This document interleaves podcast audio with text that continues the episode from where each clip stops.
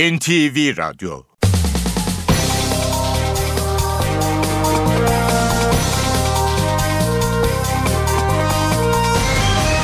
İşe Giderken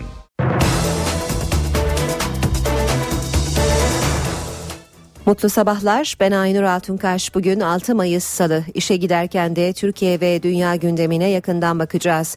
7.35'te Ayhan Aktaş spor haberlerini aktaracak. 8.35'te de Emrah Kayalıoğlu işe giderken sporda bizimle olacak. Gündemin başlıklarıyla başlayalım.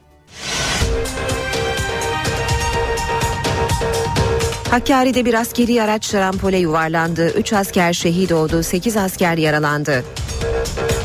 Dört eski bakan hakkında mecliste soruşturma komisyonu kurulacak. AK Parti'nin bu yönde verdiği önerge kabul edildi. CHP'nin eski bakanlar hakkında ayrı ayrı soruşturma komisyonları kurulması yönündeki önergeleri ise reddedildi. Mecliste yumruklu kavgalarında yaşandığı oturum sabaha kadar devam etti. Meclis TV'nin yayımlamadığı genel kurul oturumunu CHP İstanbul Milletvekili Melda Onur tablet bilgisayarıyla internet üzerinden aktardı. Tekirdağ'da şiddetli sağanak nedeniyle Malkara-Şarköy yolu ulaşıma kapandı.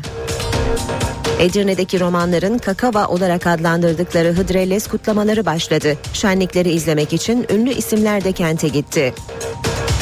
Türkiye Kadınlar Basketbol Ligi'nin şampiyonu Fenerbahçe'yi 73-54 yenen Galatasaray Odea Bank oldu. Devre arasında Abdi İpekçi Spor Salonu tribünleri karıştı. Fenerbahçeli yöneticiler saldırıya uğradı.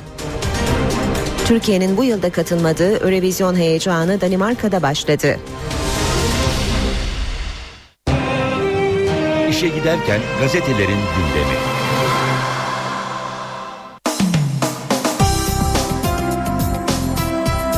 Türkiye Büyük Millet Meclisi'nde dört eski bakan hakkında soruşturma komisyonu kurulmasına ilişkin e, önergeler görüşüldü. Dün ve oturum e, gece yarısından sabah saatlerine kadar da tansiyonu yüksek şekilde devam etti. Birazdan ayrıntıları program içinde aktaracağız. Oturumdan gazetelere yansıyan başlıklar ve fotoğraflar var. Hürriyet gazetesi inkar ve karar diyor. Tapelerle ortaya çıkan yolsuzluk ve rüşvet iddialarının tümünü 3 bakan meclis kürsüsünden yalanladı. Ancak 453 vekilin oyuyla kabul edilen soruşturma komisyonuyla Yüce Divan'da sonuçlanabilecek sürecin yolu açılmış oldu diyor Hürriyet gazetesi. Egemen Bağış, Muammer Güler ve Zafer Çağlayan'ın konuşmalarından başlıklar var. Bağış, doğrusu bu kürsüde böylesine çirkin, mesnetsiz ve adice kurgulanmış iddialar üzerinde söz alıyor olmaktan büyük bir üzüntü ve acı duyuyorum e, dedi Egemen Bağış, Rıza Zarrab'dan rüşvet aldığı iddiasına yönelik olarak da Rıza Sarraf'ı 5 yıldır tanırım, 3 kez toplamda 1,5 milyon dolar rüşvet almak iddiası külliyen yalandır, iftiradır, gözü dönmüş bir örgütün sistematik karalama kampanyasıdır dedi. Eski İçişleri Bakanı Muammer Güler, bu soruşturma başından operasyon aşamasına kadar bir sürü usulsüzlük var, yasalara aykırılık, yanlışlık içermektedir. Bir bakan şüpheli addedilemez dedi. Eski Ekonomi Bakanı Zafer Çağlayan meclisteki görüşmelerde bu siyasi linç operasyonu dedi. İlk savunmasını AK Parti'de milletvekilleriyle toplantıda yaptı. Saat sorusunu yanıtladı. Saati zarrab aldı ama parasını ben ödedim. Garantisi benim adıma dedi. Gece gündüz ağlıyorum. Hakkında takipsizlik verilen eski şehircilik bakanı Erdoğan Bayraktar dün sabah genel merkezde zor durumdayım gece gündüz ağlıyorum dedi. Yine gözyaşını tutamadı. Bayraktar mecliste savunma hakkını kullanmadı. Devam edelim yine Hürriyet gazetesinden bir başlıkla Anayasa Mahkemesi nöbeti balyoz avukatlarından Şule Erol adil yargılama hakkının ihlal edildiği gerekçesiyle Anayasa Mahkemesi'ne yaptıkları bireysel başvuruya 6 aydır yanıt verilmemesi üzerine Yüksek Mahkemenin önünde adalet nöbeti başlattı. Datça planı isyan ettirdi. Datça ve Bozburun'da yapılaşmanın yolunu açan plan revizyonu tartışma yarattı. Yeni planlamanın gizli yapılaşmaya neden olacağını öne süren Türkiye Mimar Mühendis Odaları Birliği Çevre Bakanlığı'na itirazda bulundu. Mimarlar Odası Başkanı Eyüp Muhçu benzer planların Fethiye Dalaman Köyceğiz içinde yapıldığını öne sürdü. Milliyetle devam edelim. Dört bakana bir komisyon diyor manşetinde Milliyet. AK Parti'nin önerisi yumruklar eşliğinde kabul edildi. Mecliste söz alan dört eski bakan kendilerini savundu. CHP'nin Çağlayan için ayrı komisyon istemesi kavga çıkardı. Oylamayla tek komisyon kuruldu. Devam edelim ee, yine Milliyet gazetesinden bir başlıkla en basit iddianame basit tırnak içinde. Haziran 2013'te Antalya'daki gezi protestolarında otoparka saklanan 3 genci orantısız güç kullanarak darbeden polisler hakkında iddianame hazırlandı. Ağır dayak görüntüleri ve adli tıbbın çivili sopa izleri var raporuna rağmen 10 polise işkenceden değil basit yaralamadan ceza istendi. Polisin sadece zor kullanma yetkisini kullandığı belirtildi. Dava işkenceden açılsaydı sanıklar için en az 12 yıl istenecekti. Basit yargılamaya ise en çok 4,5 yıl hapis öngörülüyor görülüyor. Uçakta tavan 309 lira oldu. Havayolu şirketlerinin iç hat biletlerinde 299 liralık tavan fiyat uygulamasını delmesinin ardından yeni tavan belirlendi. Ulaştırma Denizcilik ve Haberleşme Bakanı Lütfi Elvan yeni tavan fiyatın 309 lira olacağını açıkladı. Ancak bazı uçuşlar dün itibarıyla belirlenen tavan fiyatın altına inmedi. Enflasyona kadın eli. Enflasyon Nisan ayında %9,38 ile son iki yılın en yüksek seviyesine çıktı. Fiyatı en çok artan üç ürün kadın gömleği, kadın ceketi ve etek oldu. Çekirdek enflasyon ise %9,7'ye ulaşarak son 7 yılın zirvesine ulaştı. Gergin final dişi aslanların Euroleague ve Türkiye Kupası finallerinde Fenerbahçe'yi yenen, yenerek şampiyon olan Galatasaray Odea Bank ligde de şampiyonluğunu ilan etti. 2-2'ye gelen final serisinin son maçında 73-54 galip gelen Sarı Kırmızılar 14 yıl aradan sonra şampiyon oldu. Ancak maça çıkan olaylar damga vurdu. Fenerbahçeli yönetici Mahmut Uslu yumruklu saldırıya uğradı. Sabah gazetesiyle devam edelim. Paralelcilere ilk dava Adana'dan diyor manşetinde sabah. Mahkeme telekulak iddianamesini kabul etti. Yasa dışı dinleme yapan 8 polis 7 ayrı suçtan 51 yıla kadar hapisle yargılanacak. Bir diğer başlık çılgın projeler tam gaz. İstanbul'un çehresini değiştirecek dört dev proje sessiz sedasız yükseliyor. Yavuz Sultan Selim Köprüsü'nün ayaklarıyla zemindeki bağlantıları iki ay sonra bitiyor. Üçüncü havalimanında kamulaştırma hızlandırıldı. Çamlıca Camii'nin minareleri bir buçuk ay sonra yükselmeye başlıyor. Boğazın altından araç geçişi sağlayacak Avrasya Tüneli'nin dev tırtılı hızla ilerliyor demiş sabah. Cumhuriyete bakalım açıklayamadılar diyor manşeti Cumhuriyet'in. Mecliste hakkında komisyon kurulan dört eski bakan yolsuzluk iddiaları için kumpas savunması yaptı. Dört eski bakan meclisten önce AKP milletvekilleriyle kahvaltıda bir araya geldi. Çağlayan Amerika'daki neokonlar Yahudi lobisi ve paralel yapının kumpas kurduğunu, Bayraktar iddialar nedeniyle utancından her gün ağladığını söyledi. Güler ise oğlunun evindeki kasalar konusunda bir şey söyleyemedi. Sarraftan 700 bin dolarlık hediye saat almakla suçlanan Çağlayan, saati getiren kişinin sarrafla ortak tanıdıkları olduğunu belirterek fatura onun garanti benim adıma dedi. Mecliste 4 eski bakan hakkında AKP'nin meclis soruşturması açılması önergesi 453 oyla kabul edildi. Gergin geçen görüşmelerde Bayraktar konuşmazken eski bakanlar iddialara net yanıt vermek yerine defalarca hacca gittim, başörtüsünü savundum gibi dini vurguları öne çıkardı diyor. Cumhuriyet gazetesi haberinde. Beş nolu bellek çıkışı bir diğer başlık. Adalet Bakanlığı Balyoz'da yeni delil itirazını Yargıtay'a götürüyor. Adalet Bakanı Bozdağ Balyoz davasında sahte delil iddialarının odağındaki 5 numaralı hard diskle ilgili kanun yararına bozma ilkesini uygulayarak Yargıtay Cumhuriyet Başsavcılığına başvuracaklarını açıkladı. Yüzlerce askerin ceza aldığı davaların temelini oluşturan hard disk için TÜBİTAK tarihi ve saatiyle oynandığı yönünde rapor vermişti.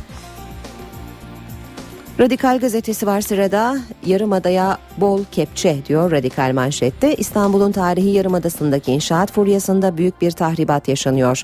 Müze denetiminde olması gereken kazılarda iş makineleri, tarihi eserleri paramparça ediyor. Bazı arkeologlar da bunu görmezden geliyor. Tarihi yarımadadaki bir başka inşaat çalışması e, bir inşaat çalışmasından bir fotoğraf, bir sütunun başı, sütun kaidesi iş makineleri tarafından e, parçalanmış. Bir başka e, fotoğrafta Beyazıt'taki kazıyı gösteriyor. Ortaya çıkan tarihi yapının kısa süre içinde kepçeyle dümdüz edildiğini yazıyor Radikal Gazetesi haberinde. Star işte kumpas işte belgesi demiş paralel sahtekarlık yargıda. Yargıda emniyette ve siyasette hedefe koydukları kişiler hakkında bilgi toplamak için sahte isimlerle dinleme yapan paralel çetenin kumpas belgesi diye nitelendirdiği bir belgeden bahsediyor. Ee, Star gazetesi paralel çete resmi görünümlü sahte dinleme kararlarını Adana 6. ve 8. Ağır Ceza Mahkemelerine aldırttı diye de ekliyor haberine. Zaman gazetesine bakalım. Milli iradeye karartma başlığı manşette Meclis TV yolsuzluk fezlekeleriyle ilgili görüşmeleri yayımlamadı. 17 Aralık rüşvet ve yolsuzluk soruşturması kapsamında hakkında fezleke hazırlanan AK Partili 4 eski bakanla ilgili mecliste soruşturma komisyonu kurulmasına karar verildi. Sert tartışmalara sahne olan genel kuruldaki tarihi oturuma karartma uygulandı Meclis TV yayın yapmadı demiş Zaman Gazetesi haberinde. CHP'li Melda Onur'un ise tablet bilgisayarıyla çekim yapıp görüşmeleri kendi internet sitesinden canlı yayınladığını yazıyor yine Zaman Gazetesi haberinde. Eski Bakan Egemen Bağış'ın konuşurken CHP'lilerin kürsüye sırtını döndükleri de ifade ediliyor haberde. Yeni Şafak'a bakalım. İşte belge işte imza demiş Yeni Şafak gazetesi de Star'a benzer bir manşet görüyoruz.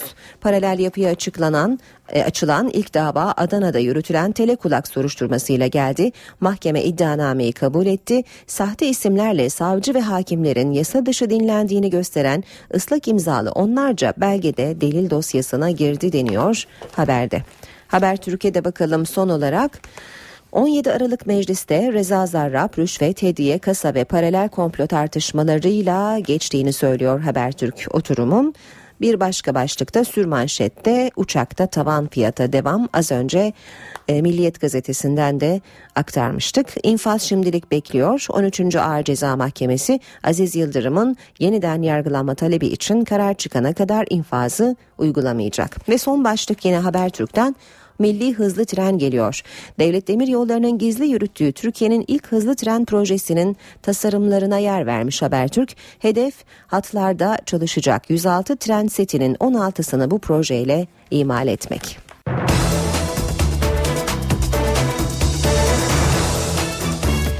İşe giderken de gündeme yakından bakmaya başlayalım. Hakkari'de bir askeri araç şarampole yuvarlandı. 3 asker şehit oldu. 8 asker yaralandı.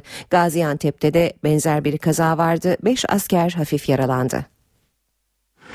Askeri araç devrildi. 3 asker şehit oldu. Kaza yeri Hakkari'nin Şemdin ilçesine bağlı Gelişen köyü. Askerleri taşıyan zırhlı bir araç kontrolden çıkarak şarampole yuvarlandı. 3 asker şehit oldu, 8 asker de yaralandı. Durumu ağır olanlar helikopterle Şemdinli, Yüksekova ve Van'daki hastanelere sevk edildi. Benzer bir kaza haberi de Gaziantep'ten geldi. İslahiye ilçesinde devriye görevine giden ilçe jandarma komutanlığı personelinin bulunduğu pikap devrildi. Hafif yaralanan 5 asker ayakta tedavi edildi.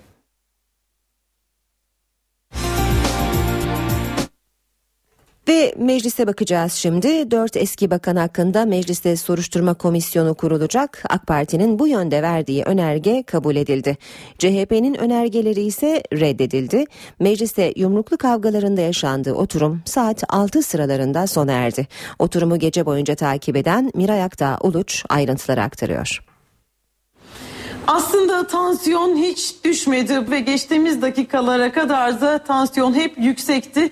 İktidar Partisi'nin verdiği önerge kabul edildi. AK Parti e, 4 eski bakanla ilgili tek bir komisyon kurulması yönünde önerge vermişti. İşte o önerge Meclis Genel Kurulu'nda yapılan gizli oylamada kabul edildi. Ancak Cumhuriyet Halk Partisi'nin dört eski bakanla ilgili verdiği ayrı ayrı önergeler, dört ayrı önergenin hiçbiri kabul edilmedi. E, oradaki oylamalar sırasında AK Parti'den bazı fireler olduğu iddiası da yer aldı. Ee, bunun yanı sıra genel kurulda zaman zaman gerginlikler de çıktı ama o gerginliklerden e, belki de en tansiyonun yüksek olduğu dakikalar e, bakanların eski bakanların kürsüye çıktığı dakikalardı. İlk olarak kürsüye çıkan bakan Zafer Çağlayan da hakkındaki iddialarla ilgili açıklama yaptı. Bu açıklamaları muhalefeti tatmin etmedi ve sonrasında bir kez daha kürsüye çıktığında CHP'nin önergeleri sırasında e, oturumda biraz daha tansiyon yükseldi. Hatta milletvekilleri birbirlerinin üzerine yürüdü. Zafer Çağlayan kürsüden ayrılarak bir ara muhalefet sıralarına doğru yönlendi. AK Parti ile MHP arasında da yaşanan gerginlikler vardı. AK Parti ile MHP milletvekilleri arasında Meclis Başkanlık Divanı'nın önünde yaşanan gerginlik sırasında Yumruklar havada uçuştu ve neyse ki isabet etmedi. Gece saat 2 sularında yaşanan o gerginlik sırasında Devlet Bahçeli ara verilmesi üzerine genel kurula katıldı ve tansiyonun biraz da düşmesine neden oldu diyebiliriz. HDP ile MHP arasında yaşanan gerginlik vardı. Onlar arasındaki gerginliğinde farklı bir gerekçesi vardı yolsuzluk iddiaları değil onlar arasındaki gerginliğin gerekçesi ise Sabahat Tuncel ile ilgili bir tartışmaydı. E, ve bunun yanı sıra CHP milletvekilleri arasında bir başka kavga oldu. Yumruklu kavga vardı. İki CHP'li vekil arasında genel kuruldaki oturum devam ederken onlar da 30 Mart yerel seçimleriyle ilgili bir takım anlaşmazlıklar gerekçesiyle bir tartışma yaşandı ve sonrasında da e, yine genel kuruldaki görüşmeler devam etti. Bakanların açıklamalarının satır başlarına gelince Zafer Çağlayan bu ülkede çivi çakan tüm iş adamlarının emrine kendimi amade ettim. Bu suç ise ben bu suçu işlemeye devam edeceğim ifadelerini kullandı. Muammer Güler savunmasında kişisel kanaatlerin etkin olduğu bir soruşturmanın yürütüldüğünü ifade etti ve bir bakan şüpheli olamaz dedi. Erdoğan Bayraktar kürsüye çıkmadı, savunmasını yapmadı. Ee, ve son oylama Muammer Güler'le ilgiliydi. Muammer Güler de yine kürsüye çıktığında hakkındaki iddiaları yalanladı. Egemen Bağış da yine kendisiyle ilgili iddialar konusunda gözü dönmüş örgütün itibarsızlaştırma kampanyasıyla karşı karşıya kaldık dedi. Hakkındaki kasetlerin montaj olduğunu bir kez daha söyledi ama bakanların konuşmaları aslında muhalefeti e, yine de tatmin etmedi. Muhalefet bu iddiaların ispatlanmasını istedi. Fezlekelerden alıntılar yaptı. Meclis Genel Kurulu'nda sık sık fezlekelerde yer alan, soruşturma dosyalarında yer alan o resimleri kullandılar. Onları Meclis Genel Kurulu'ndan kürsüden e, kamuoyuyla paylaşmaya çalıştılar. E, CHP milletvekilleri genel kuruldan canlı yayınlar yaptılar e, ve aynı zamanda CHP kendi internet sitesi üzerinden de yine meclis genel kurulundaki oturumu yayınladı. 17 saat boyunca devam eden sürekli tansiyonu yüksek bir oturumdu ve geçtiğimiz dakikalarda tamamlandı. Şimdi bir soruşturma komisyonu kurulacak mecliste önümüzdeki günlerde 15 kişiden oluşacak 9'u AK Partili, 4'ü CHP'li, birer milletvekili HDP ve MHP'den olacak. O komisyon çalışmalarını sürdürecek. 1 Temmuz'da meclis tatile girince komisyonda çalışmalarına ara verecek. 1 Ekim'den sonra yeniden çalışacak ve yaklaşık 4 ay süren bir çalışma yapacak ve bir rapor hazırlayacak. O raporun e, gizli oylama sonucunda 4 eski bakanın Yüce Divan'a gidip gitmeyeceği de e, Meclis Genel Kurulu tarafından karara bağlanacak e, ve 17 saatlik mesainin bittiğini artık söyleyebiliriz. Genel kurul oturumunun ayrıntılarını Miray Aktağ Uluç aktardı. Görüşmeleri bakanlar hakkındaki iddialar kadar Meclis TV'nin oturumu yayımlaması da yayımlamaması da damga vurdu. CHP İstanbul Milletvekili Melda Onur genel kurul oturumunu dakika dakika tablet bilgisayarıyla internet üzerinden aktardı. Mecliste 4 eski bakanla ilgili soruşturma komisyonu kurulmasına ilişkin önergeler görüşüldü.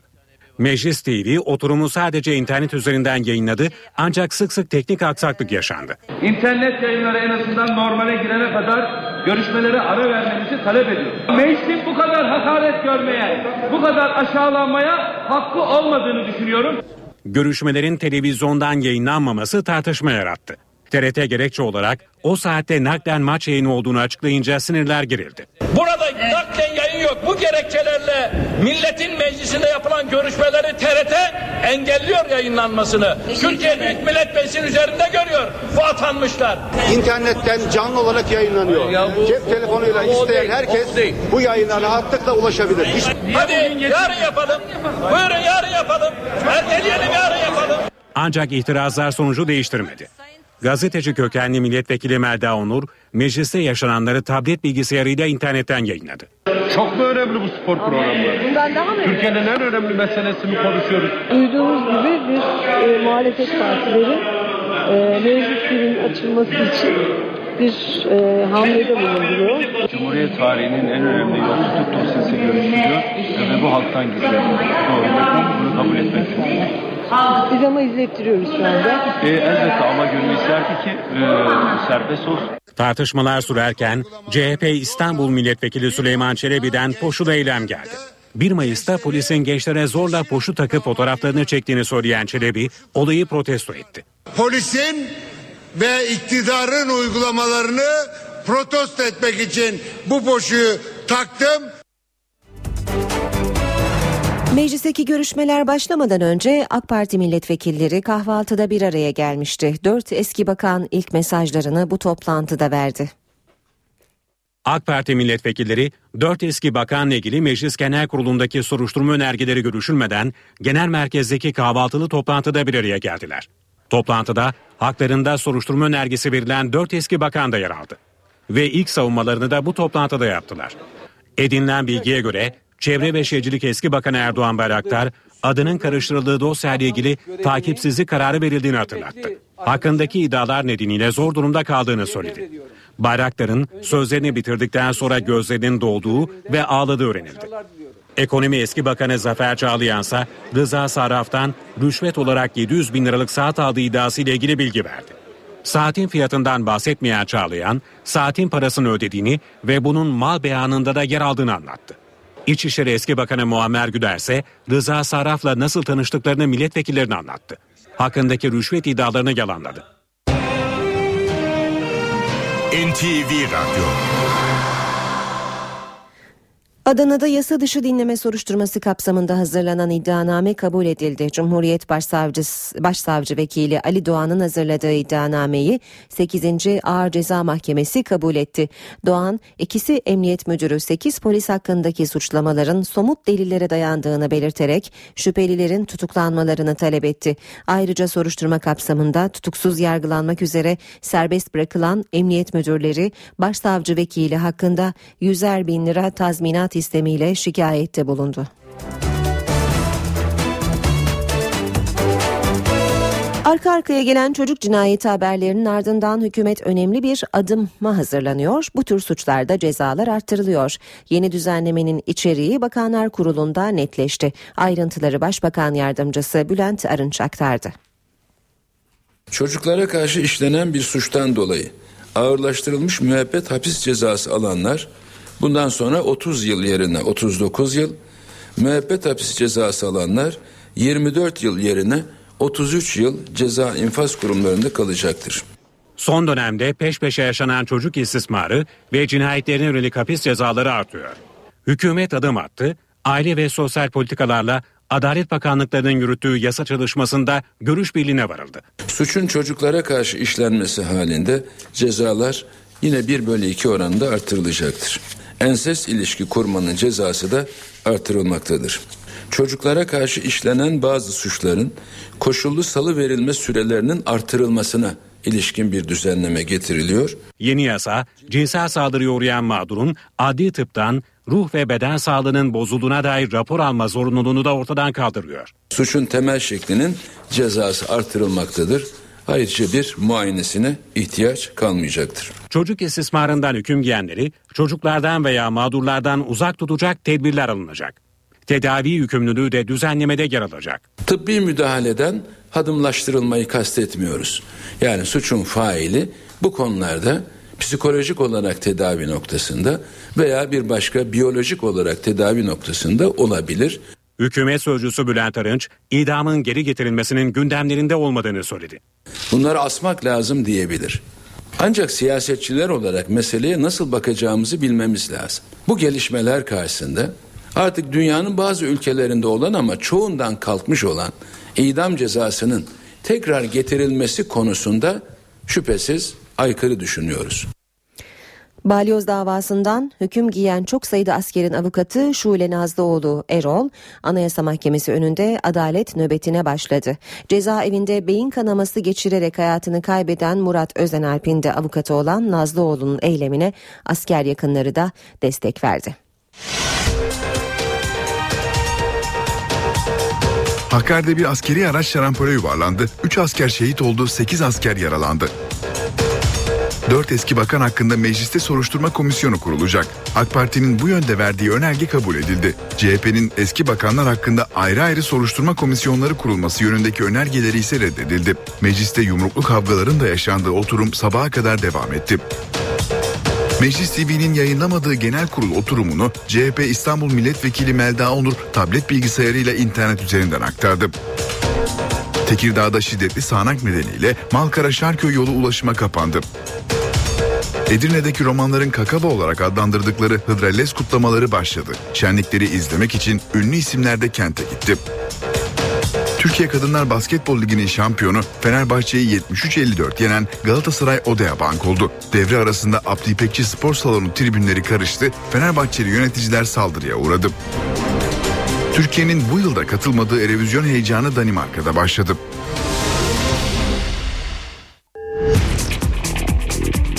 Haberleri başlıyor.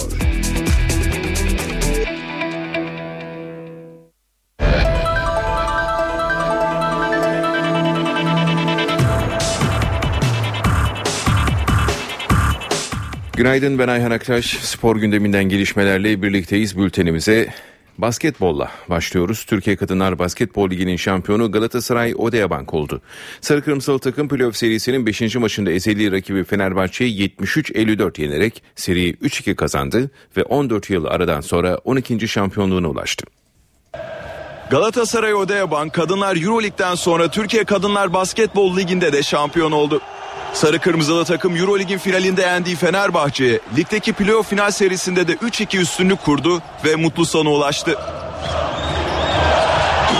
Playoff final serisinin 5. maçında Galatasaray Odeabank ezeli rakibi karşısında maça 7-0'lık giriş yaptı ve ilk periyodu 17-6 önde geçti. İkinci çeyrekte arayı açan Galatasaray farkı 24 sayıya kadar çıkarırken devreyi de 40-18 önde tamamladı. Sarı Kırmızılı takım 3. çeyreği de 63-31 önde geçti. Son periyotta Galatasaray oyunun kontrolünü elinde tutarken Fenerbahçe farkı kapattı ama rakibini yakalayamadı. Maçı 19 sayı farkla 73-54 kazanan Galatasaray Odeabank 2013-2014 sezonunu şampiyon noktaladı. Sarı Kırmızılı takım maç sonunda sevincini tribünlerle paylaştı. Galatasaray Odeabank'a şampiyonluk kupasını Basketbol Federasyonu Başkanı Turgay Demirel verdi. Galatasaray Odeabank şampiyonluk hasretine son verdi ve Kadınlar Basketbol Ligi'nde son olarak Galatasaray 2000 yılında şampiyon oldu. 14 yıl sonra mutlu sona ulaştı. Galatasaray Odeabank sezonu 3 kupayla kapattı. Türkiye Kadınlar Basketbol Ligi playoff final serisinde Fenerbahçe'yi 3-2 geride bırakan Galatasaray Odeabank 14 yıllık şampiyonluk hasretini dindirdi. Bu sezon Galatasaray Odeabank ismiyle mücadele eden Sarı Kırmızılar ligde en son 1999-2000 sezonunda şampiyonluğa ulaşmıştı. Geride kalan 13 sezonda 10 kez Fenerbahçe'nin 2 kez Adana Botaş'ın ve bir kez de Beşiktaş'ın şampiyonluğuna şahitlik eden Galatasaray başarılı bir performans ortaya koyduğu bu sezon adını zirveye yazdırdı. Galatasaray ligde 2013-2014 sezonunu zirvede tamamlayarak şampiyonluk sayısında Fenerbahçe'yi geride bıraktı. İki takım sezona 11'er şampiyonlukla başlarken Sarı Kırmızılar 12. Lig kupasını müzesine götürmüş oldu. Bir dönem kadın basketbolunda şampiyonluklara adeta ambargo koyan Galatasaray 1989-1990 ile 1997-1998 sezonları arasında üst üste 9 kez lig kupasını kazanarak bu alanda rekor kırmıştı. Tarihinin en başarılı sezonlarından birini yaşayan Galatasaray ulusal ve uluslararası alanda 3 şampiyonluk yaşarken hepsinde de Fenerbahçe'yi saf dışı bıraktı. Sarı Kırmızı takım bu sezon ilk kupasını Spor Toto Türkiye Kupası finalinde Fenerbahçe'yi yenerek kazandı. Galatasaray ardından FIBA Kadınlar Euroleague final maçında yine ezeli rakibini mağlup ederek şampiyon oldu ve Türk basketbol tarihinde bir ilke imza attı. Galatasaray Odea Bank sezon başında oynanan Cumhurbaşkanlığı Kupası maçını ise Fenerbahçe'ye kaybetti. İki takım bu sezon 4 farklı kulvarda 11 kez karşı karşıya geldi. Galatasaray Odea Bank 6 galibiyet alırken Fenerbahçe 5 galibiyet aldı. Galatasaray Odeabank Fenerbahçe derbisi oldukça gergin bir havada oynandı. Karşılaşma öncesinde protokol tribününde oturmak isteyen Sarı lacivertli yöneticilere salon görevlileri güvenlik nedeniyle başka yer gösterince taraflar arasında tartışma yaşandı. Sarı lacivertli yöneticiler tartışmalardan sonra kendilerine gösterilen yere oturdu. Devre arasında ise Mahmut Uslu, İsfendiyar, Zülfikari ve Fenerbahçeli eski yönetici Ali Koç, sarı kırmızılı bazı taraftarların fiili saldırısına uğradı. Çevik kuvvet ekipleri taraftarlara müdahale ederken Fener Fenerbahçeli yöneticiler tribünlerden çıkarıldı. Abdi İpekçi spor salonundaki mücadelede 500 polis ve 220 özel güvenlik görevlisi emniyet tedbirleri aldı. Fenerbahçe yönetimi Abdi İpekçi'de çıkan olaylarla ilgili olarak sert bir açıklama yayınladı. Sarı lacivertliler yaşananlar Türk spor tarihinin utanç sayfaları arasında yerini almıştır dedi. Kulübün internet sitesinden yayınlanan açıklamada Fenerbahçeli yöneticilerin hiçbir Galatasaraylı yönetici tarafından karşılanmadığı vurgulanırken salona girişte fiili saldırı gerçekleştiği belirtildi. Açıklamada Kasıtlı ve planlı olduğu anlaşılan bu saldırıyı engellemek adına hiçbir Galatasaraylı yönetici ve yetkili herhangi bir çaba sarf etmemiştir. Yöneticilerimiz karşılaşmanın ilk yarısını yoğun küfür ve hakarete maruz kalarak izlemiş, devre arasında ise yaşananlar korkunç boyutlara ulaşmıştır. Fenerbahçe Spor Kulübü Genel Sekreteri Sayın Mahmut Uslu yumrukla saldırıya uğramıştır. Yöneticimiz Sayın Hakan Dinçay başına ya, yabancı madde isabet etmek suretiyle kaşı yarılmıştır. Çevik kuvvet ekiplerinin devreye girmesi sonucu olası bir linçin önüne geçilmiştir edilmiştir. Yaşananlar Türk basketbolunun, Türk sporunun tarihine kara bir leke olarak geçmiştir denildi. Yaşananları kınayan Sarı lacivertliler olaylardan Galatasaray yönetiminin sorumlu olduğunu savundu. Basketbol Federasyonu da eleştiri yapıldı.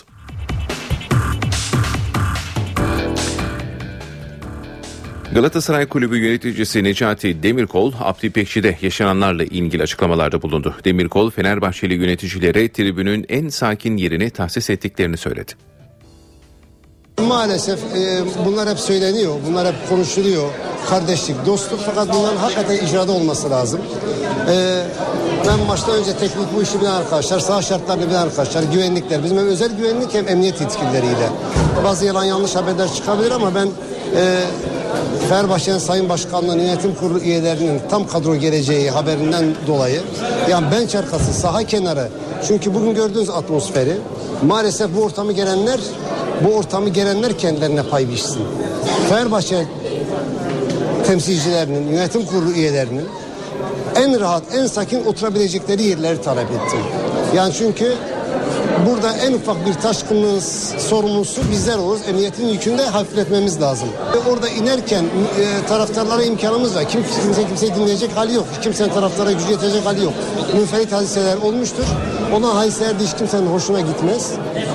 Ben tam birebir görmedim. Duy, duyumlar aldım sizlerden dolayı. Fakat bizden ne Fenerbahçe yönetimine yani kulüp olarak ne bir başka camianın temsilcilerine herhangi bir menfi hareket özellikle herhangi bir konuşma bir üslup böyle bir şeyler olamaz. Avrupa Tekvando Şampiyonu Servet Tazigül 2016 Olimpiyat Oyunları içinde altın sözü verdi. Federasyon Başkanı Mehmet Şahin ile birlikte NTV Spor'a konuk olan Tazigül hedeflerini anlattı. Başkan Şahin ise milli takımın Avrupa Şampiyonası'nda başarılı olduğunu dile getirdi. Servet Tazegül Azerbaycan'ın Bakü kentinde yapılan Avrupa Tekvando Şampiyonası'nda 68 kiloda altın madalya kazandı. Olimpiyat ve dünya şampiyonluklarına Avrupa şampiyonluğunu da ekleyen Tazegül, NTV Spor'a konuk oldu ve 2016 Rio Olimpiyat oyunlarında da altın sözü verdi. Şu an hedefim 2016 Rio Olimpiyatları. Ee, oraya da e, önümüzde daha bir dünya şampiyonası, bir Avrupa şampiyonası daha var. Ben oralarda da şampiyon olmak istiyorum. Ardından da olimpiyatlarda da yine tekrar en üstte kürsüde yer almak istiyorum. Hedefim bu. Hedefim zaten şampiyon olmak. Söz her zaman yani bir sakatlık olması, bir aksilik olmasa sözüm sözdür inşallah. Çalışıp yine altın madalya kazanacağım. Tazegül Avrupa Şampiyonası öncesi Başbakan Recep Tayyip Erdoğan'a verdiği sözü tuttuğunu da kaydetti. Sayın Başbakanımız e, özellikle aradı. Maçtan sonra tebrik etti. Zaten maç öncesi Konya'da görüşmüştük onda. Açılış vardı bilim merkezi. Orada görüşmüştük. Söz vermiştim ona şampiyon olacağım. Sözümü tuttum. O da takip etmiş. Aradı Sayın e, Spor Bakanımız Çağatay Kılıç Bey. O da e, sabah aradı, öğlen aradı, akşam aradı. Maçtan sonra yine aradı, tebrik etti. Yani Servet Tazegül'le birlikte NTV Spor yayınına katılan Tekvando Federasyonu Başkanı Metin Şahin sonuçlardan duyduğu memnuniyeti dile getirdi ve hedeflerini açıkladı.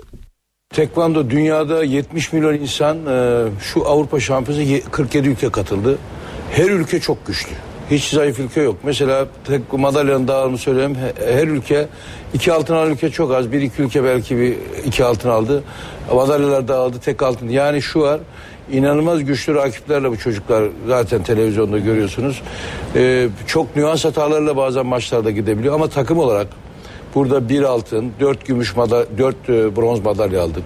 Fakat ben bununla yetinmiyorum. Genç birkaç sporcuyu götürdük. Çünkü bir gelecek içinde bir takım e, planlarımız var.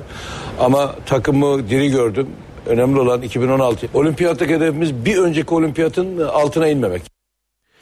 Bu haberimize spor bültenimizi tamamlıyoruz. İyi günler diliyoruz. NTV Radyo. Herkese yeniden günaydın. İşe giderken de beraberiz. Yeni saati Gökhan Abur'la karşılayacağız birazdan. Önce gündemin başlıklarına bakalım. Hakkari'de bir askeri araç şarampole yuvarlandı. 3 asker şehit oldu, 8 asker yaralandı. 4 eski bakan hakkında mecliste soruşturma komisyonu kurulacak. AK Parti'nin bu yönde verdiği önerge kabul edildi. CHP'nin eski bakanlar hakkında ayrı ayrı soruşturma komisyonları kurulması yönündeki önergeleri ise reddedildi. Mecliste yumruklu kavgaların da yaşandığı oturum sabaha kadar devam etti. Meclis TV'nin yayınlamadığı genel kurul oturumunu CHP İstanbul Milletvekili Melda Onur tablet bilgisayarıyla internet üzerinden aktardı. Tekirdağ'da şiddetli sağanak nedeniyle Malkara Şarköy yolu ulaşıma kapandı. Edirne'deki romanların kakava olarak adlandırdıkları Hıdrellez kutlamaları başladı. Şenlikleri izlemek için ünlü isimler de kente gitti. Türkiye Kadınlar Basketbol Ligi'nin şampiyonu Fenerbahçe'yi 73-54 yenen Galatasaray Odea Bank oldu. Devre arasında Abdi İpekçi Spor Salonu tribünleri karıştı. Fenerbahçeli yöneticiler saldırıya uğradı. Hava durumuna bakacağız. Gökhan Abur'la beraber olağanüstü hava şartları var. Çünkü kimi yerlerde sağanak yağışlar hayatı olumsuz etkiliyor. Örneğin e, Tekirdağ'da Malkara Şarköy yolunun ulaşıma kapandığını e, söyleyelim. Birçok noktada da e, yağmurlar çok etkili oldu. E, hocam hoş geldiniz. Hoş bulduk günaydın. E, başka nerelerde etkili oldu ve bugün neler bekleniyor? Valla ben şunu söyleyeyim e, tabii e, geçtiğimiz hafta devamlı lodos vardı. Lodos sıcaklıkları yer yer yükseltiyor hep e, İstanbullular cumartesi gününü hatırlarlarsa çok yüksek sıcaklıklar vardı. Ama dün akşam saatlerinde rüzgar kuzeye döndü. Ve rüzgarın kuzeye dönmesiyle birlikte hava hızlı bir şekilde soğumaya başladı akşam saatlerinde ve soğumayla birlikte yağışlar giderek kuvvetlendi ve biraz evvel duyduğunuz gibi Malkara Şarköy arasındaki kuvvetli sağanak yağışlar bölgedeki yolun kapanmasına sebep oldu. Şu anda Trakya'da yağış etkisini kaybetti. İlerleyen saatlerde hafif olarak devam edecek. Ama şu an itibariyle bakıyorum Bandırma'da, Gölcük'te, İstanbul'un e, belli yerlerinde hafif olarak yağış devam ediyor. Batı Karadeniz bölgesinde yer yer kuvvetli yağışlar var. Gün boyu bunlar devam edecek. Yine Karabük Kastamonu arasındaki bölgede hatta biraz daha Düzce Bartın arasındaki bölgede Zonguldak'ta yağışlar var. İç kesimlerde bulutlanma giderek artıyor. İlerleyen saatlerde orada da yağışlar görülecek. Ve yine Sinop ve Samsun arasındaki bölgede hafif olarak yağış var. Ve bu yağışlar Karadeniz boyunca aralıklara devam edecek. Marmara'da hafif yağışları var. Bugün için kıyı Ege ve Batı Akdeniz'de yağış etkisini kaybetti. Ama Doğu Akdeniz'de özellikle Anamur, Mersin, Adana arasındaki bölgede ilerleyen saatlerde sağanakların daha da kuvvetlenmesini bekliyoruz. Evet sıcaklıklar kuvvetli Poyraz'la birlikte azaldı. Bugün Marmara bölgesinde beklediğimiz sıcaklıklar 13-14 derece arasında değişirken e, rüzgarın öğle saatlerinde kuvvetlenmesiyle birlikte bu hissedilen sıcaklıklar düşecek. Şu anda İstanbul'da 20 kilometre hızla esen bir rüzgar var. Poyraz yönlü bu rüzgar öğle saatlerinde hızını 30-35 kilometreye kadar çıkarabilecek. Yağışlar öğle saatlerine itibaren İstanbul'da etkisini kaybedecek. Yarın yağış beklemiyoruz. Perşembe de yağış beklemiyoruz ama Perşembe gecesi rüzgarın hızlı bir şekilde bu kez Poyraz'dan Karayel'e doğru dönmesi yeniden serin ve nemli havayı bize doğru çekecek ve İstanbullular ve Marmara'nın tümü yer yer kuvvetli yağışları görecek. Bu hafta ülke geneline baktığımızda kuvvetli sağanak yağmurların görülebileceği, sıcaklıkların Marmara'da, Karadeniz'de ve iç kesimlerde azaldığı bir haftaya girdik. Bu haftayı böyle geçireceğiz hı hı. ama yer yer kuvvetli sağanaklar etkili olacak. Bunları nerelerde olacağını da sizle zaman zaman vurgulamaya çalışacağız evet. tabii. Gökhan Abur teşekkürler. Gündemin ayrıntılarına bakmaya devam edelim. Hakkari'de bir askeri araç şarampole yuvarlandı. 3 asker şehit oldu. 8 asker yaralandı. Gaziantep'te de benzer bir kaza vardı. 5 asker hafif yaralandı. Askeri araç devrildi. 3 asker şehit oldu. Kaza yeri Hakkari'nin Şemdin ilçesine bağlı Gelişen köyü. Askerleri taşıyan zırhlı bir araç kontrolden çıkarak şarampole yuvarlandı. 3 asker şehit oldu, 8 asker de yaralandı. Durumu ağır olanlar helikopterle Şemdinli, Yüksekova ve Van'daki hastanelere sevk edildi. Benzer bir kaza haberi de Gaziantep'ten geldi. İslahiye ilçesinde devriye görevine giden ilçe jandarma komutanlığı personelinin bulunduğu pikap devrildi. Hafif yaralanan 5 asker ayakta tedavi edildi. Dört eski bakan hakkında mecliste soruşturma komisyonu kurulacak. AK Parti'nin bu yönde verdiği önerge kabul edildi. Oylama öncesinde bakanlar kürsüye çıktı ve savunma yaptı. O anlarda tansiyon da yükseldi. Sabaha kadar süren genel kurul mesaisi nedeniyle AK Parti ve MHP grupları bugün toplanmayacak. Meclis soruşturması açılması kabul edilmiştir. 17 Aralık soruşturmasında adı geçen 4 eski bakan hakkındaki yolsuzluk iddialarının soruşturulması için mecliste soruşturma komisyonu kurulacak. AK Parti'nin verdiği önerge 469 milletvekilinin katıldığı gizli oylamadan çıkan 453 oyla kabul edildi. Ekonomi eski bakanı Sayın Mehmet Zafer Çağlayan buyurunuz. Genel kuruldaki en gergin anlarsa bakanların savunmalarını yapmak için kürsüye çıktığı dakikalarda yaşandı. Bu ülkede çivi çakan tüm iş adamlarımızın emrine kendimi amade ettim. Etmeye de devam edeceğim. Evet bu suç ise bu suçu 20 yıldır işlediğimi itiraf ediyor ve bu suçu kabul ediyorum. Maddi delillerden çok ön yargılı yorumlara dayalı ve itibarsızlaştırmaya yönelik bir soruşturmadır. Bir bakan şüpheli olarak addedilemez. Ya bu kadar çok da pişkinlik olmaz ya. Pes. Gerçekten pes ya. Bu kadar çok iddia olacak. Bu kadar çok iddia olacak. Ya insan saklanacak delik arar ya. Büyük yolsuzluk operasyonunu meclis içerisindeki bir takım e, parmak oyunları ile bertaraf etmek şeklinde değerlendirilmektedir. Avrupa Birliği eski bakanı Egemen Bağış da kürsüdeydi. Gözü dönmüş bir örgütün sistematik itibarsızlaştırma kampanyasına maruz bırakıldı. O kayıt aleni bir montajdır. Çevre ve Şehircilik eski bakanı Erdoğan Bayraktar ise savunma yapmamayı tercih etti. AK Parti'nin önergesinin kabul edilmesinin ardından CHP'nin 4 eski bakan için verdiği 4 ayrı önergenin görüşmelerine geçildi. Genel kurulda zaman zaman tansiyon yükseldi. varsa gelsin saati dışarıda gösteririm kaç aldığımı. Çok adam varsa gösteririm. Hazırım ben buna. Hadi buyurun. Hadi buyurun Ordu Meydan. Lütfen. Lütfen. Hepsi kurmacaydı, hepsi düzmeceydi, hepsi komploydu, darbeydi. Niye istifa ettin? Niye görevden alındın? Saatin faturasını Yüce Divan'da göstereceksin. Zafer Çağlayan kürsüdeyken CHP'li Tufan Köse'nin kendisinin fotoğrafını çekmesi üzerine CHP sıralarına yürüdü. Önce AK Partili milletvekilleriyle CHP'liler, MHP'lileri AK Partililer arasında arbede çıktı. MHP lideri Devlet Bahçeli gerginliği yatıştırmak için gece iki sıralarında yeniden genel kurul salonuna geldi. CHP'nin önergeleri reddedildi. Oylamalar sırasında AK Parti'den fireler olduğu iddia edildi. AK Parti'nin önergesiyle kurulacak komisyon 15 üyeden oluşacak. Komisyona AK Parti 9 üye, CHP 4 üye, MHP ve HDP'de birer üye verecek. Meclisteki görüşmeler başlamadan önce AK Parti milletvekilleri kahvaltıda bir araya gelmişti. Dört eski bakan ilk mesajlarını bu toplantıda verdi. AK Parti milletvekilleri 4 eski bakanla ilgili Meclis Genel Kurulu'ndaki soruşturma önergeleri görüşülmeden genel merkezdeki kahvaltılı toplantıda bir araya geldiler. Toplantıda haklarında soruşturma önergesi verilen 4 eski bakan da yer aldı. Ve ilk savunmalarını da bu toplantıda yaptılar. Edinilen bilgiye göre Çevre ve Şehircilik eski Bakanı Erdoğan Bayraktar adının karıştırıldığı dosyayla ilgili takipsizlik kararı verildiğini hatırlattı. Hakkındaki iddialar nedeniyle zor durumda kaldığını söyledi. Bayraktar'ın sözlerini bitirdikten sonra gözlerinin dolduğu ve ağladığı öğrenildi. Ekonomi eski bakanı Zafer Çağlayan ise Rıza Sarraf'tan rüşvet olarak 700 bin liralık saat aldığı iddiasıyla ilgili bilgi verdi. Saatin fiyatından bahsetmeyen Çağlayan, saatin parasını ödediğini ve bunun mal beyanında da yer aldığını anlattı. İçişleri eski bakanı Muammer Güder ise Rıza Sarraf'la nasıl tanıştıklarını milletvekillerine anlattı. Hakkındaki rüşvet iddialarını yalanladı. CHP lideri Kemal Kılıçdaroğlu ve eski Genel Başkan Deniz Baykal sürpriz bir şekilde dün mecliste bir araya geldi. Görüşmede Cumhurbaşkanı seçimi ele alındı.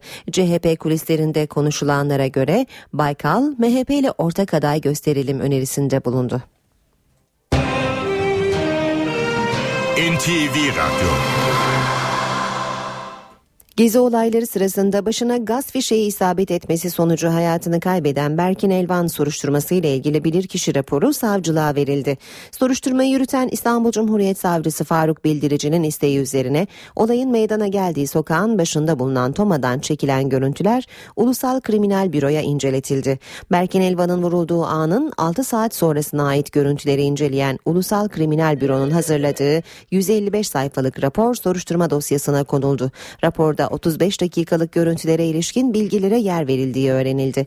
Raporun ayrıntıları henüz açıklanmadı. Edirne'deki romanların kakava olarak adlandırdıkları Hıdrellez kutlamaları sabahın ilk ışıklarıyla başladı. Star Televizyonu haber ekibinden Osman Terkan orada ve şu anda da telefonla canlı yayında. Ee, Osman günaydın bize etkinlikten neler aktaracaksın? Günaydın. E, Hıdrellez kutlaması iki gündür devam ediyor. Burada e, Türkiye'nin dört bir yanından misafirler var. Aynı zamanda yurt dışından e, özellikle de Hollanda, Amerika ve Japonya'dan çok sayıda turist buraya geldi kutlamalara katılmak için. Dün akşam saatlerinde kakava ateşi yakıldı Sarayiçi Meydanı'nda. E, ilk kez e, bir ilk yaşandı onu da hemen belirtelim. İlk kez Roman bir belediye başkanı Roman vatandaşı ateşi yaktı. Ee, daha önceki senelerde protokol tarafından yakılıyordu. Ancak bu yıl belediye başkanı bir Roman vatandaşı olan meclis üyesine vekalet verdi. Belediye başkanlığı koltuğuna oturttu kendisini ve ardından da e, dün akşam e, kakava ateşi yakıldı. Roman gençler o ateşin üzerinden atladılar. Ardından tabii ki e, e başı romanlar çektiği için de e, davul zurna ekipleri buradaydı. Klarnetler, darbukalar eşliğinde buraya gelen misafirler de dans ettiler. E, şarkılar söylendi. Ardından o eğlence kakava ateşinin e, başındaki eğlence gece saatleri de mahallelere taşındı. Özellikle de Roman vatandaşlar kendi mahallelerinde sabahın ilk ışıklarına kadar eğlendiler. Aynı zamanda Edirneliler simgesel olarak kendi mahallelerinde sokak aralarında kakava ateşi yaktılar. Çocuklarının simgesel olarak ateşlerin üzerinden atlattılar. Ve tabi sabah saatlerine gelindiğinde de e, havanın aydınlanmaya başlamasıyla da bir ritüel gerçekleşti. E, Tunca Nehri'nin kenarına gidildi. E, Roman vatandaşlarla birlikte çok sayıda misafir Tunca Nehri'nin Fatih Köprüsü'nün olduğu yere gidildi ve e, dilek dilendi. E, dilek mumları e, yakıldı, suya bırakıldı. Aynı zamanda kağıtlara dilekler yazıldı. O kağıtlar suya atıldı. E, yine inanışa göre e, bazı e, Roman vatandaşlar e, ellerini yüzlerini orada yıkadılar. Tabii geçmiş senelerde suya atlanıyordu, nehre giriliyordu inanış gereği.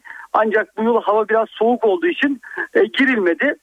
E, onun yerine e, yanlarına getirdikleri şişelere su doldurdular ve onları da evlerine götürdüler bereket getirsin diye. Aynı zamanda e, bölgeden Tunca Nehri'nin e, kenarından e, ağaç dalları kopardılar ve o ağaç dallarında evlerine götürdüler bereket getirsin diye. Şu dakikalarda da halen e, Tunca Nehri kenarında eğlence devam ediyor. Yer yer e, yine davul zurna eşliğinde misafirler oynamaya devam ediyor.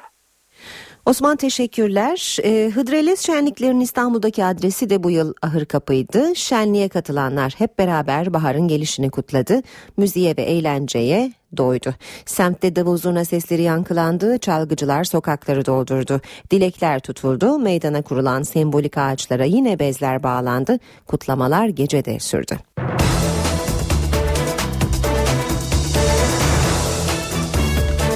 NTV Radyo'da işe giderken de birlikteyiz. Başkente döneceğiz demiştik. Başkentte Meclis Genel Kurulu'nda sabaha kadar süren oturumda dört eski bakan e, hakkında mecliste soruşturma komisyonu kurulması kabul edildi. E, bu oturum gergin, zaman zaman gergin geçen oturuma ilişkin tüm ayrıntıları programımızın içinde Miray Akta Uluç'tan almıştık. Şimdi e, geceden e, bugüne kalanlar ve bugünkü e, gündeme dair notları da Özgür Akbaş'tan alacağız. Özgür günaydın.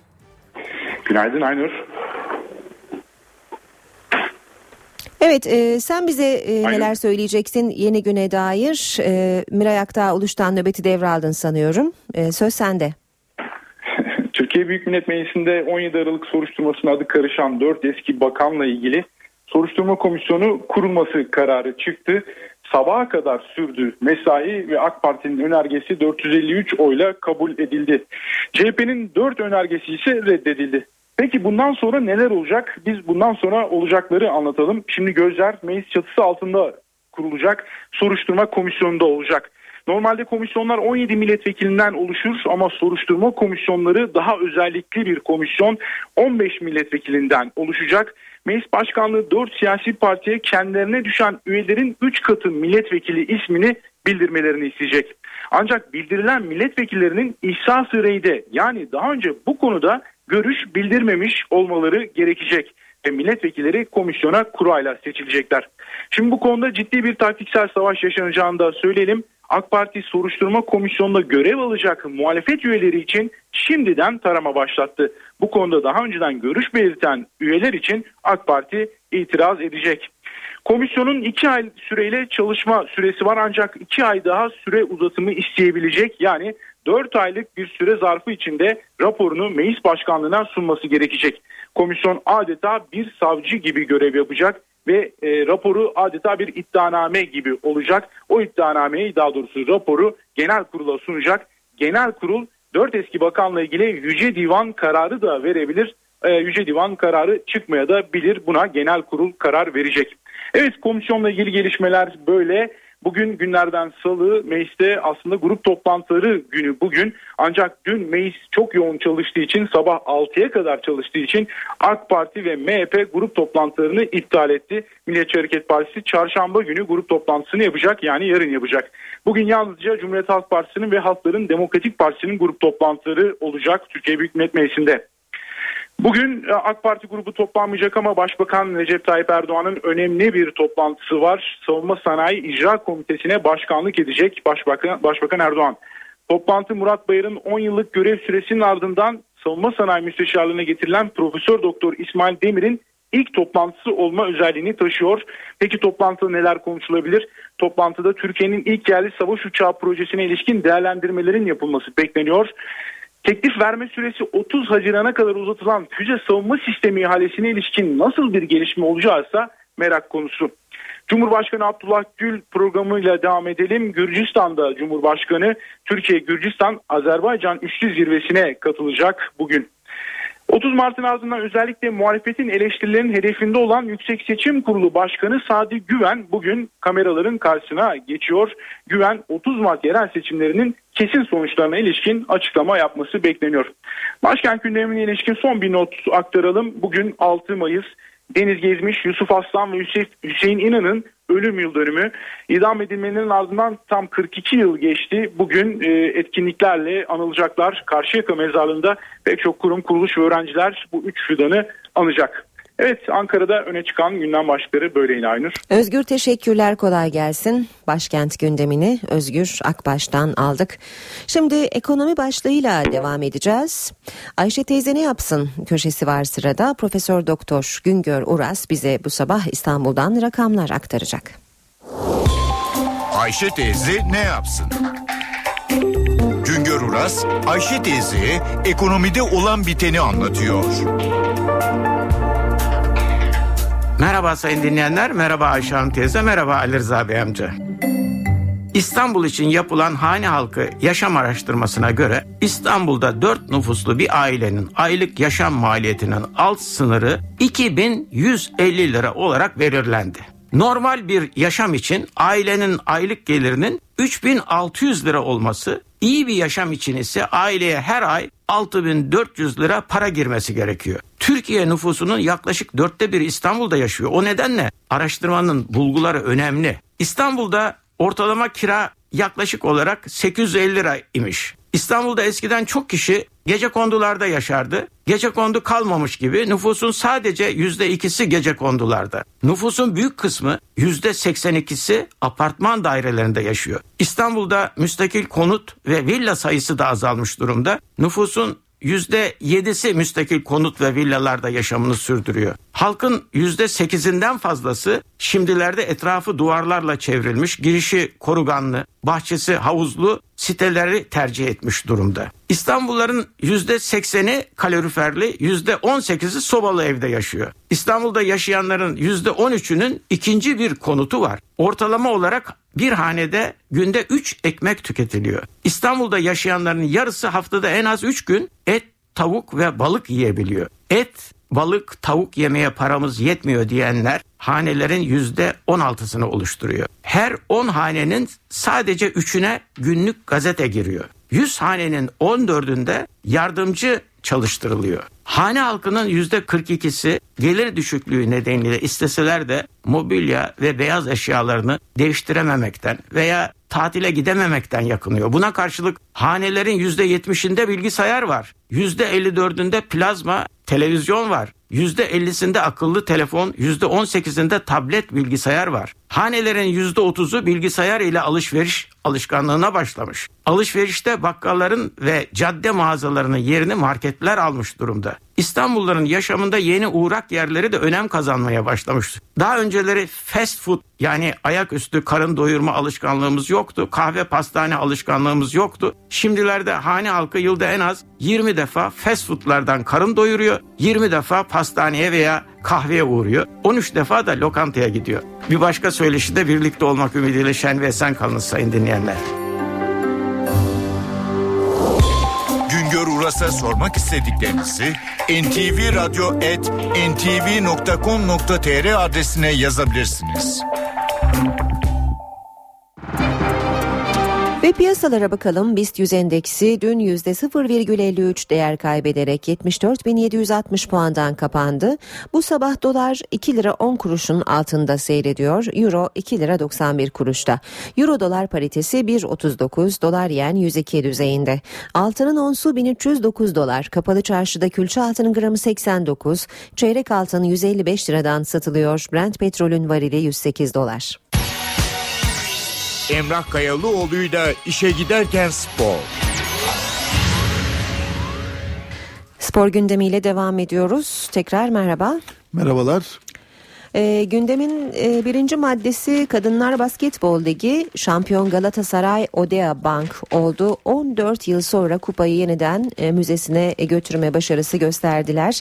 E, nefes kesen bir şampiyonluk mücadelesiydi. 5. maça kadar geldi çünkü e, bu mücadele 5. maçta da e, tarihi bir fark da diyebileceğimiz şekilde bir skorla e, Fenerbahçe'yi mağlup etti Galatasaray'ın kızları ve potada şampiyonluğunu ilan ettiler. Keşke işin sportif yönünü konuşabilseydik. Önce tabii tebrik edelim Galatasaray'ı ama e, devre arasında yaşananlar herhalde kara bir e, sayfa mı açtı tarihte spor tarihinde ne dersiniz? Yani maçı da konuşuruz ama önce dediğiniz gibi bence olaylardan başlamak lazım. Ee, yani bir kere final serisi son maç e, yani Türkiye'deki bu tuhaf yani ama yaşanan olaylara baktığınızda uygulamasının kaçınılmaz hale geldi. Bu deplasman seyirci yasağı yüzünden tek bir takımın e, taraftarı evet. var salonda. Evet. E, yani bir salon tamamen dolu. Bir bayan basketbol maçında belki e, olmamış ve olmayacak kadar bir e, seyirci gelmiş maça 14 binin üzeri. E, ve ama işin yani benim hala anlayamadığım tarafı e, Fenerbahçe yöneticiler de bu taraftarların arasında oturtuluyor. Hı hı. Yani e, protokole girmelerinin bir güvenlik sıkıntısı yaratabileceği gibi bir gerekçeyle e, protokolde korunamayan, korunamayacağı iddia edilen kişilerin orada nasıl korunamadığını gördük. Korumalarının sağlanabileceğinin e, saçmalıktan öte bir tez olmadı. Zaten maç sırasında yaşananlarla da ortaya çıktı. E, yani en basitten şunu söyleyeyim yani bu insanlar e, protokol türbünde olsa Fenerbahçeli yöneticiler protokol türbünde otursa e, üstlerine at, bir şey atmadan önce Galatasaray serisi belki bir üç kere düşünür yani. Atarsam evet, benim evet. yöneticime gelir mi? Belki. Şeyiyle. Ha, onun dışında o yaşanan o fiziki saldırı yani onunla ilgili söyleyecek çok fazla bir şey bulamıyorum. Çünkü yani saldıran kişinin kim olduğuna baktığımda e, yani Galatasaray'ın eski bir yöneticisi daha sonra da yönetim kurulu üyeliği için ismi geçti. e, ailesi Türkiye'de spor denince akla gelen Hı hı. ailelerden e, olimpiyat komitesi başkanlığı yapmış aile büyükleri var. Öyle söyleyeyim. Yani Evet. daha Türk sporu ile ilgili daha bir yani spor bakanlığı sonuçta daha bir atamadır. Yani meclise girersiniz e, atanırsınız. Yani sporla çok ilgili olup olmamasına bakılmaz ama Milli Olimpiyat Komitesi Başkanlığı başka bir şey. Yani öyle bir aileden gelen bir kişi ya öyle olunca da yani e, işte tribünde yani Türkiye'deki taraftar olaylarıyla ilgili işte eğitim şart. Bu insanları eğitirsek bunlar olmaz. Bu olayları yapanlar işte eğitimsiz insanlar. Birbirlerine böyle e, saldıranlar, kavga edenler vesaire Bu dediğimizde söylemlerin de boş olduğunu Ha ya bu olayda bu aslında. işi yapan kişiye de baktığında e, o zaman ne oldu o tezler Ya. diyorsunuz yani. Evet.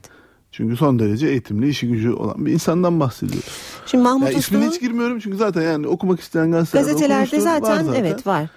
Ee, Ee, Mah- yani gerçekten ben hakikaten yani bir Galatasaray yönetiminin Fenerbahçeli yöneticileri neden e, protokolde değil de tribün tarafından aldığını anlayamadım. İki oranın doğru dürüst korunamadığı da ortaya çıkmışken böyle bir olayın yaşanması ve olayın içindeki kişinin de yani eski bir yönetici aileden sportif yanının bu tip olaylara karışması engelleyecek kadar baskın olması gereken bir kişi olması falan bunların hepsini koyduğunuzda yani gerçekten analiz yapmak, teşhis koymak çok zor ya. Yani insan işin içinden çıkamayacak çıkamıyor. Evet. noktalara geliyor yani. Tabii olayın neden olayların neden çıktığı e, ne, neye sebep oldu gibi e, bir sürü birçok soru var ama Mahmut e, Uslu'nun dediğine göre Aziz Yıldırım'ın maça geleceği beklentisi var ve ona göre bir operasyon hazırlandığı açık e, demiş.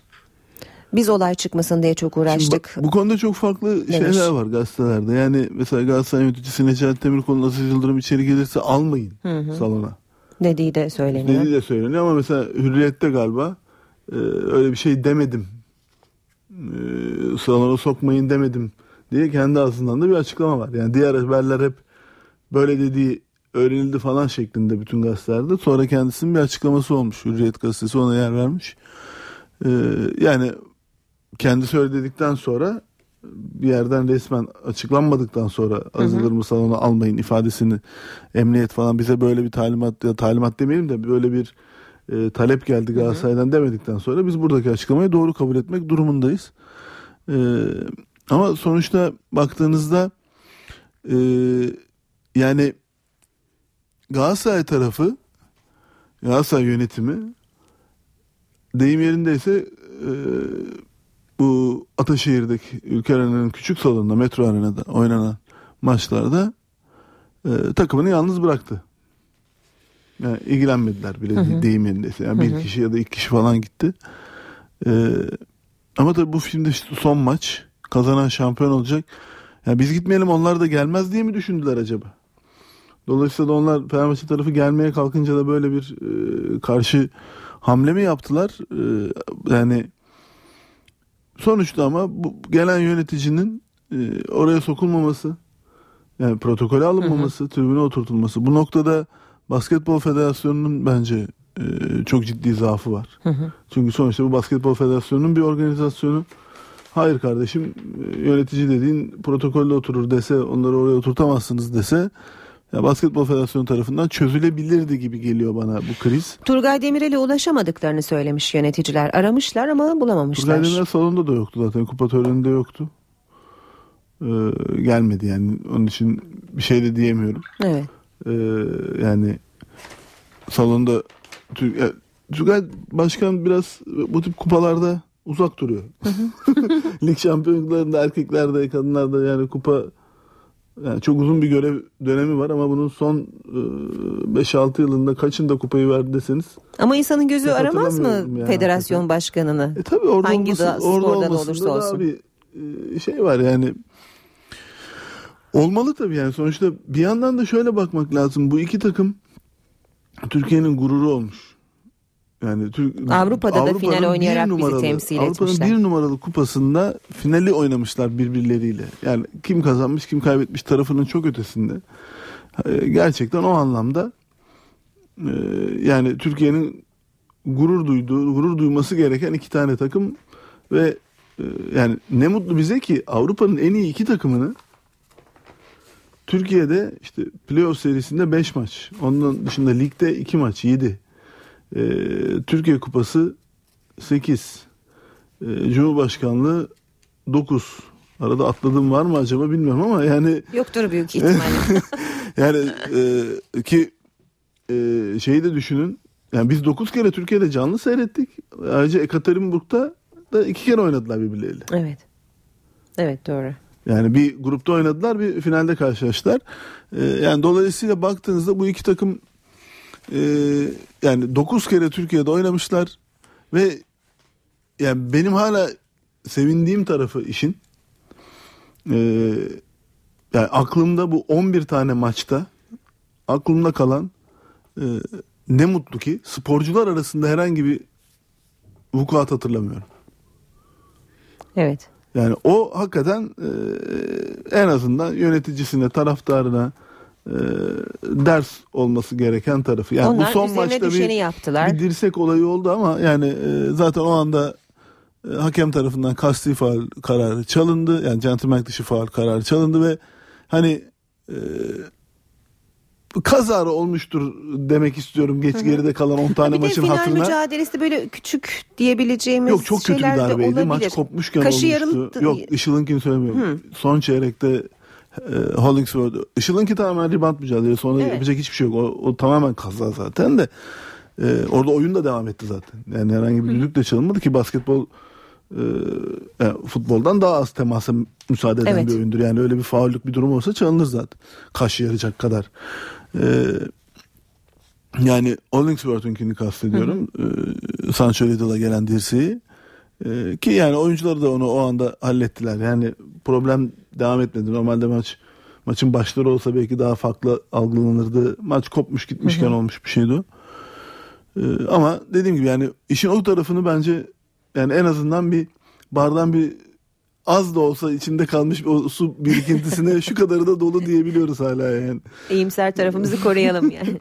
Galatasaray'ı hakikaten kutlayalım. Bu e, peki e, final mücadelesini sportif olarak değerlendirdiğinizde e, Galatasaray'ı nasıl buluyorsunuz? Yıllar yıllardan sonra gelen büyük bir başarı. Yani Galatasaray final serisini muhtemelen e, kazanacağını Avrupa Ligi'nden onun mesajı verdi.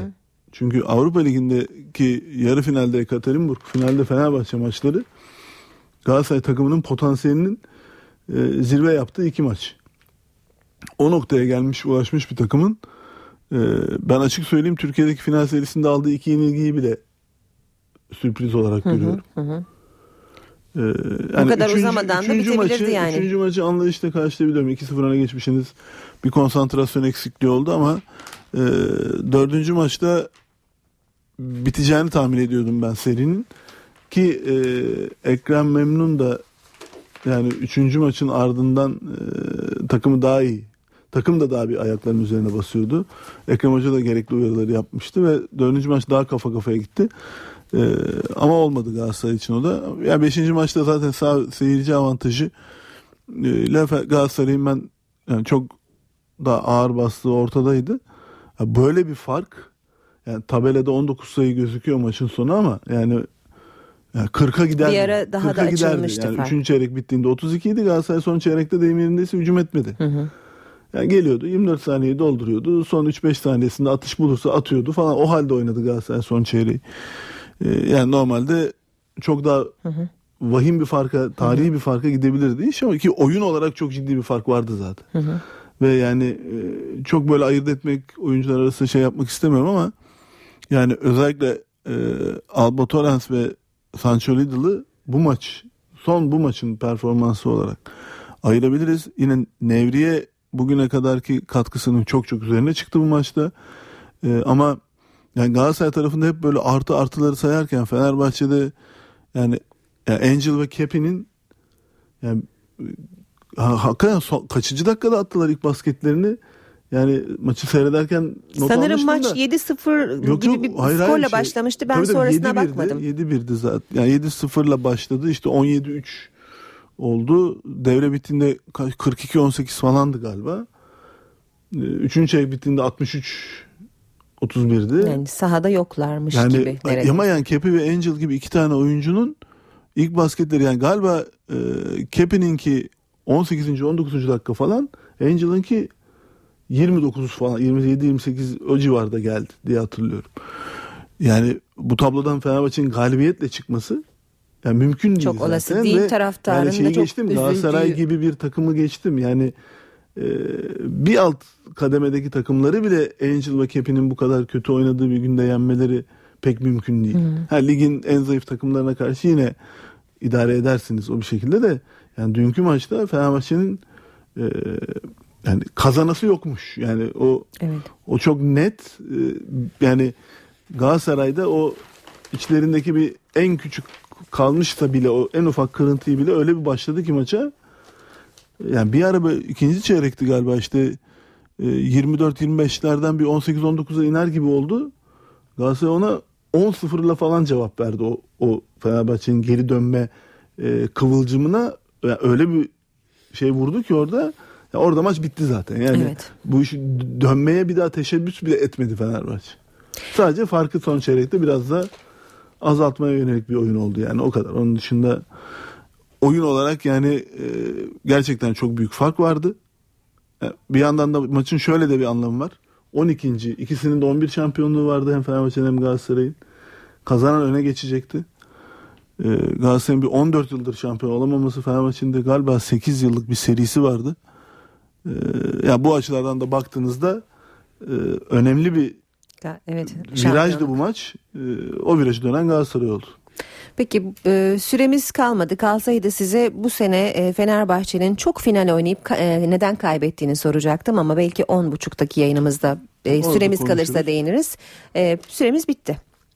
10.30 o özetlerden sonra var yine konuşacak çok konumuz var. Devam ederiz. Evet. e, şimdilik diyelim o halde hoşçakalın. Hoşçakalın. NTV Radyo